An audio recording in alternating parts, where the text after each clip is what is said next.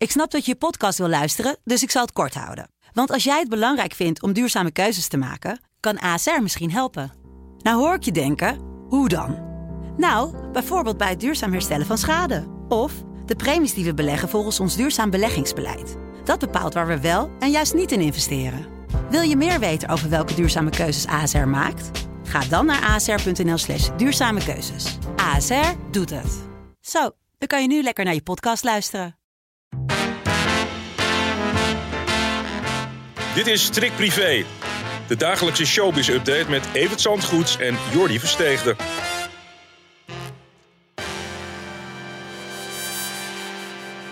KBBB Boom staat vandaag op de voorpagina van de Telegraaf. Kan niet anders natuurlijk na zo'n overwinning gisteravond voor Nou, zeg, wat een aardverschuiving. En eh, ja, de, ik las heel veel woordspelingen. De koe bij, nu moeten ze de koe bij de horens vatten. En, eh, ja.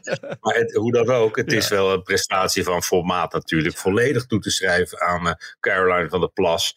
En eh, ja, nu moet ze het gaan waarmaken. Ik hoop dat ze de goede mensen om zich heen heeft. Dat was in het verleden met eh, partijen die zo'n enorme entree maken in de politiek natuurlijk wel een probleem. Ja. Maar eh, zij zegt goed te zijn voorbereid en goede mensen te hebben. Dus nou, we gaan het, we gaan het zien. Ja. En we gaan ook zien hoe de rest van Den Haag ermee omgaat. Nu kwam eh, collega Wouter de Winter net al naar me toe van doe geen politieke analyse, want die doen wij morgen in de podcast afhameren. Dus wij gaan het heel even over de privépersoon Caroline van der Plas Nou, hebben. dit was de politieke analyse. Wat moet Wouter er meer over zeggen? Hè?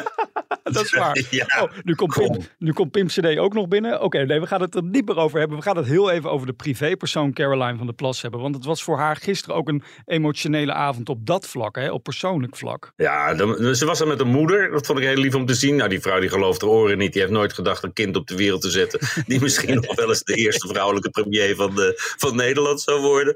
Nee. En eh, ja, als dit doorzet naar... Oh, sorry Wouter. Als dit doorzet naar Den Haag...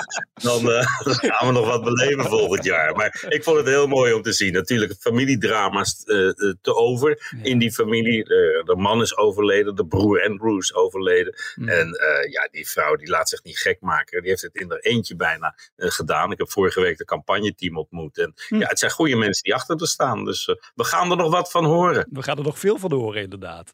Het is ook een spannende dag voor Danny de Munk eh, vandaag. Want vandaag gaat hè, de vrouw die aangifte tegen hem deed van verkrachting, die gaat onder Ede gehoord worden. Ja, gisteren liet ze al van zich horen via haar advocaat. In een persverklaring benadrukte ze nogmaals dat niet bewezen door het OM niet wil zeggen dat er ook niets gebeurd is. Dat is een bericht dat niet in eh, heel brede kring is opgepakt, want ja, dat, dat weten we. En Ja. eh, dit is natuurlijk iets wat moeilijk te bewijzen is. Maar wat ik dan niet begrijp is dat je je verhaal niet gewoon openlijk doet, maar achter gesloten deuren. En, en als jij nou echt zo'n sterk verhaal hebt over Danny de Munk, dan zou ik eh, denken van nou, dit is de uitgelezen kans om Nederland dat te laten weten. Maar daar kiest ze niet voor, omdat ze er eh, anonimiteit voor laat gaan. We hebben inmiddels wel beelden gezien van, ik weet nu om wie het gaat. Maar Hmm. ja, het is een, eh, we kunnen het er nog een keer vragen waarom dat eh, zo is. Want dat moet ook extra emotioneel zijn voor Danny, maar ook voor het slachtoffer. Dat ze elkaar vandaag ook voor het eerst gaan zien dan, hè, eh, tegenover elkaar Ja. in die rechtbank. Dat, Ja, Ja. En, en, en, en Danny heeft er wel op aangedrongen om dat open en bloot te gaan doen. Maar ja, de rechter heeft toch het verzoek om achter gesloten deuren Ja. te gaan verhoren eh, gehonoreerd. Danny appte me net eindelijk na een jaar. En eh, meer wilde hij er eh, op dit moment ook niet over kwijt. Maar ik neem aan dat er nog wel wat uit gaat lekken over wat daar vandaag eh, besproken is. Er is ondertussen ook meer duidelijkheid waarvoor het OM Ali B gaat vervolgen. Dat heeft iets te maken met Ellen ten Damme, de zangeres. Nou, dat vond ik wel heel verrassend gisteren. Niemand wil het bevestigen, het OM niet, want die geven nooit persoonsgegevens vrij. Mhm. Maar het lijkt erop dat een, een gebeurtenis achter de schermen van het programma Ali B's Muziekkaravaan. Ik kon het me niet Ja. helemaal herinneren, dat programma, maar dat schijnt destijds eh, eh, enorm geweest te zijn. Ik ken het En niet. eh, dat, dat daar wat gebeurd is, wat Ellen ten Damme tot de dag van vandaag achtervolgt. Daar heeft ze jaren later, acht jaar later, werk van gemaakt, een Hm. melding van gemaakt. Geen aangifte gedaan. Maar wat ze verteld heeft, is voor justitie toch al reden om Ali B te gaan vervolgen. Die wil dat niet bevestigen. Hmm. OM wil dat niet bevestigen. Ellen ten Damme ook niet. Maar uh, het wordt ook niet ontkend. En dat zegt in zo'n geval wel heel veel. Maar dan grijp ik toch nog even terug naar het bericht van Ali B. een paar dagen geleden op zijn Instagram-pagina. Hij zegt wel, er is nooit iets onder dwang gebeurd. Dus hij ontkent niet dat er hè, iets van seks heeft plaatsgevonden. Maar hij zegt het was allemaal niet onder dwang. Dus ik ben zo Ja, benieuwd, wat, is ja, wat is daar dan wel gebeurd? Dat is hetzelfde wat Jeroen Rietbergen natuurlijk zegt. En ja, dat zal ook de grote uitdaging worden voor de officier van justitie in de rechtbank ter zijner tijd. Om te bewijzen dat dat wel het geval was. En Ja. ja, dat is eh, in heel veel gevallen eh, niet te bewijzen. Dus eh, ja, ook dat gaan we zien. Maar het zal echt nog wel even duren voordat het zover is hoor. Marco Borsato, hè, we hebben het gisteren besproken, die gaat niet vervolgd worden voor die Voice-zaak. Maar er is wel nog een andere zaak. En Ruud de Wild, die zei gisteren op eh, NPO Radio 2 dat hij het te doen heeft met Marco Borsato. Begrijp jij dat?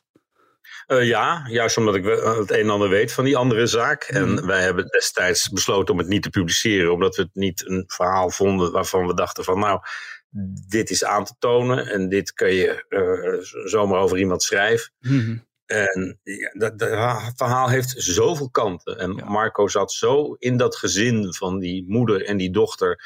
En eh, Hmm. het is heel moeilijk om er op de, in dit stadium iets over te zeggen, omdat de zaak ligt bij justitie. Er kan elk moment een beslissing over genomen worden. Eh, we zien wat de impact is voor Marco Borsato. En daar heeft Ruud de Wild ook wat over gezegd. Ja. Maar ik vind het heel moeilijk om in dit stadium te zeggen wat daar gebeurd is. Of wat er gebeurd zou zijn volgens die mensen. Mhm. Maar eh, ja, het is, het is een eh, zaak die alleen verliezers kent, denk ik. En dat rancune er een rol in speelt, dat sluit ik niet helemaal uit. Het is, het is zo'n ongelooflijk bizarre periode in showbizland, in entertainmentland. Ik bedoel, wij vullen nu al deze hele podcast zo'n beetje met allerlei zaken rondom BN'ers. Het is eigenlijk te krankzinnig voor woorden. En nu komt er Ja, vanavond... 30 jaar lang is er privé gemaakt zonder ooit te schrijven over mensen die vreemd gingen.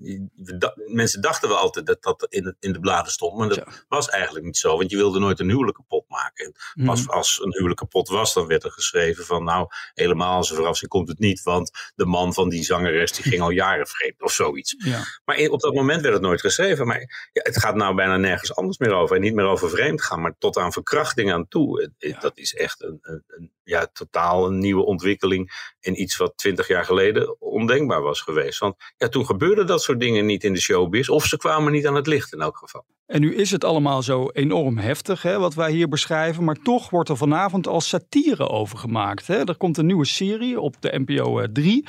Cast gaat dat heten. Jij hebt het al gezien, maar dat gaat over... Ja, ik heb twee afleveringen gezien. Het is wel heel erg geestig. Het gaat over een castingbureau. Nou, dan is de link met Job Goschalk natuurlijk snel gelegd. Ja. Eh, wie er eh, de hoofdrol in, eh, eh, wie erachter zit, Ja. dat is Juvank. Oh, En die heeft ja, toch wel weer iets van deze tijdgeest te pakken. Want het is zo grappig gedaan. En ja, natuurlijk moet je daar na verloop van tijd om kunnen lachen. Die Goschalk-affaire, die is zes jaar geleden eh, losgebarsten. We hebben hem nooit meer gezien en gehoord. Maar dat wil niet zeggen dat het in, in de toneelwereld, de acteurswereld, niet nog steeds een, een heel actueel onderwerp is. Mhm. En als je daar dan van, met z'n allen van denkt, hé, hey, hier gaan we een serie over maken. En het pakt zo geestig uit als het nu gedaan is. Ja, het, het is, het, het is heel leuk. Het is echt een aanrader vanavond te zien, de eerste aflevering. eh, cast. En ik zou zeggen, eh, ja, ga maar eens kijken wat je ervan vindt. Kwart over negen op NPO 3 is dat te zien. Morgen is het natuurlijk Goeie Vrijdag. Dan hebben we uiteraard onze tune waar wij altijd eh, naar uitkijken. Maar we hebben ook een natuurlijk... nieuwe tune, ja. Ja, zeker. Maar we hebben ook weer een vraag van een BN'er sowieso die binnen is gekomen. Dus maak je borstbaar alvast dat, Evert. Want die vraag is aan jou gesteld. Maar ook jij als luisteraar kan een vraag insturen. Dat kan via podcast.telegraaf.nl. Mag echt over alles gaan.